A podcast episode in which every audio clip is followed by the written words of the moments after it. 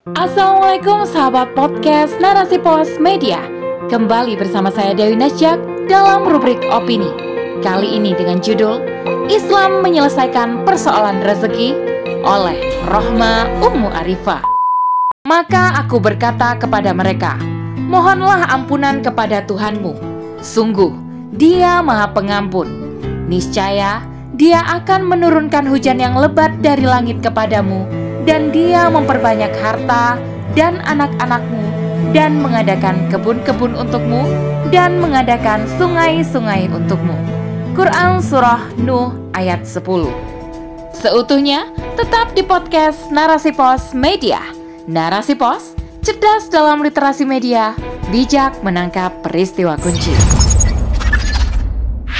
Di era kapitalis ini, Terlebih dengan serangan pandemi yang sudah berlangsung hampir dua tahun, urusan mencari penghidupan menjadi hal yang semakin sulit dijalani dari hari ke hari. Dalam menyelesaikan hal ini, Islam punya tuntunannya. Beristighfar. Dalam surah Nuh ayat 10 sampai 12 disebutkan, "Maka aku berkata kepada mereka, mohonlah ampunan kepada Tuhanmu.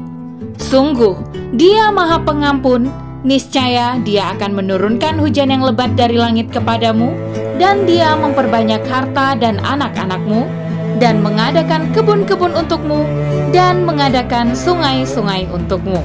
Dari ayat ini, dapat diambil ibroh bahwa sejatinya persoalan rezeki akan terselesaikan dengan satu amalan, yaitu beristighfar. Istighfar adalah memohon ampunan kepada Allah sebagai Tuhan kita.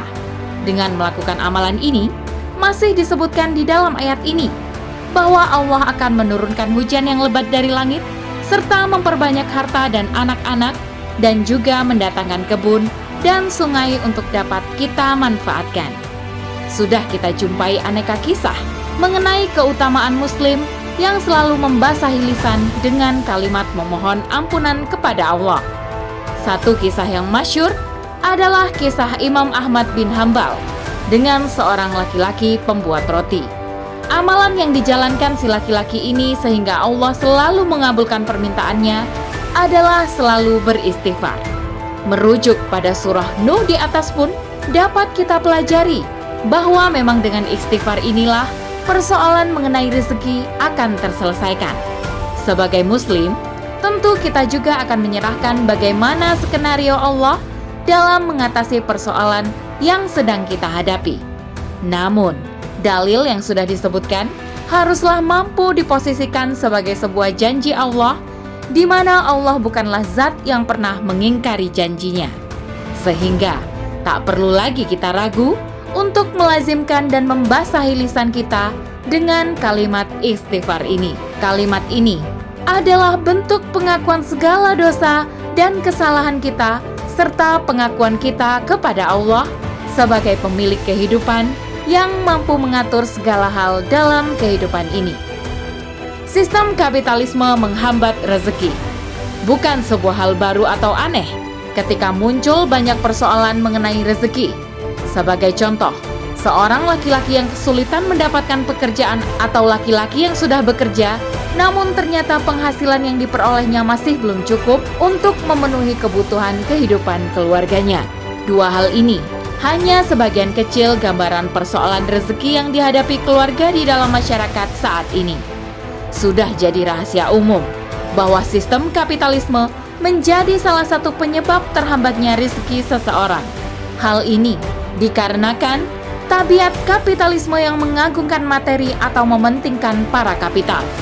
Siapa saja yang memiliki harta banyak, sebut saja golongan kaya, akan lebih mudah mendapatkan lapangan pekerjaan Sebaliknya, mereka yang golongan miskin akan sulit bertahan hidup di dalam sistem kapitalisme sebab susahnya mendapatkan pekerjaan yang layak.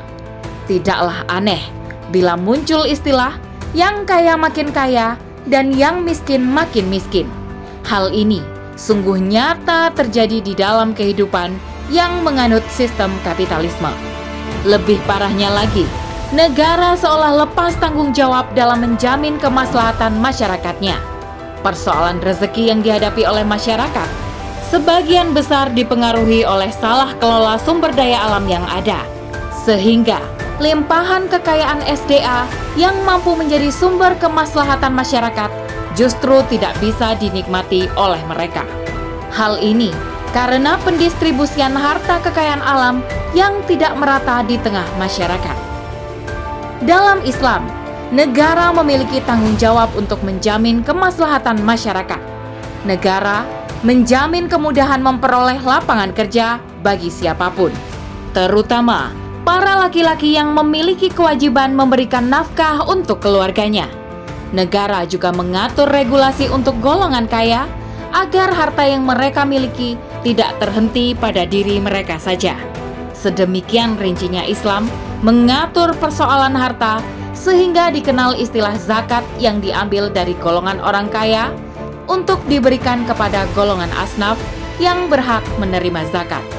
Negara juga fokus patroli di tengah kehidupan masyarakatnya agar menemukan siapa saja yang masih memiliki ketidakmampuan untuk mencukupi kebutuhan hidupnya. Maka, negara akan bertanggung jawab mengambil alih penafkahan terhadap mereka yang tidak mampu. Inilah peran strategis negara dalam menjamin rezeki setiap rakyatnya. Memang benar, masalah rezeki sudah diatur dan ditentukan oleh Allah. Namun, terhadap sumber daya alam dan aset-aset negara yang lain butuh diatur dan dikelola oleh manusia, yakni khalifah fil ard, agar mampu menopang kesejahteraan masyarakatnya. Salah satunya dengan mendistribusikan harta dan kekayaan alam secara adil dan merata agar tiap-tiap individu memperoleh jaminan rizki yang halal dan berkah. Wallahu a'lam bisawab. Demikian rubrik opini kali ini. Sampai bertemu di rubrik opini selanjutnya. Saya Dewi Najak undur diri. Assalamualaikum warahmatullahi wabarakatuh.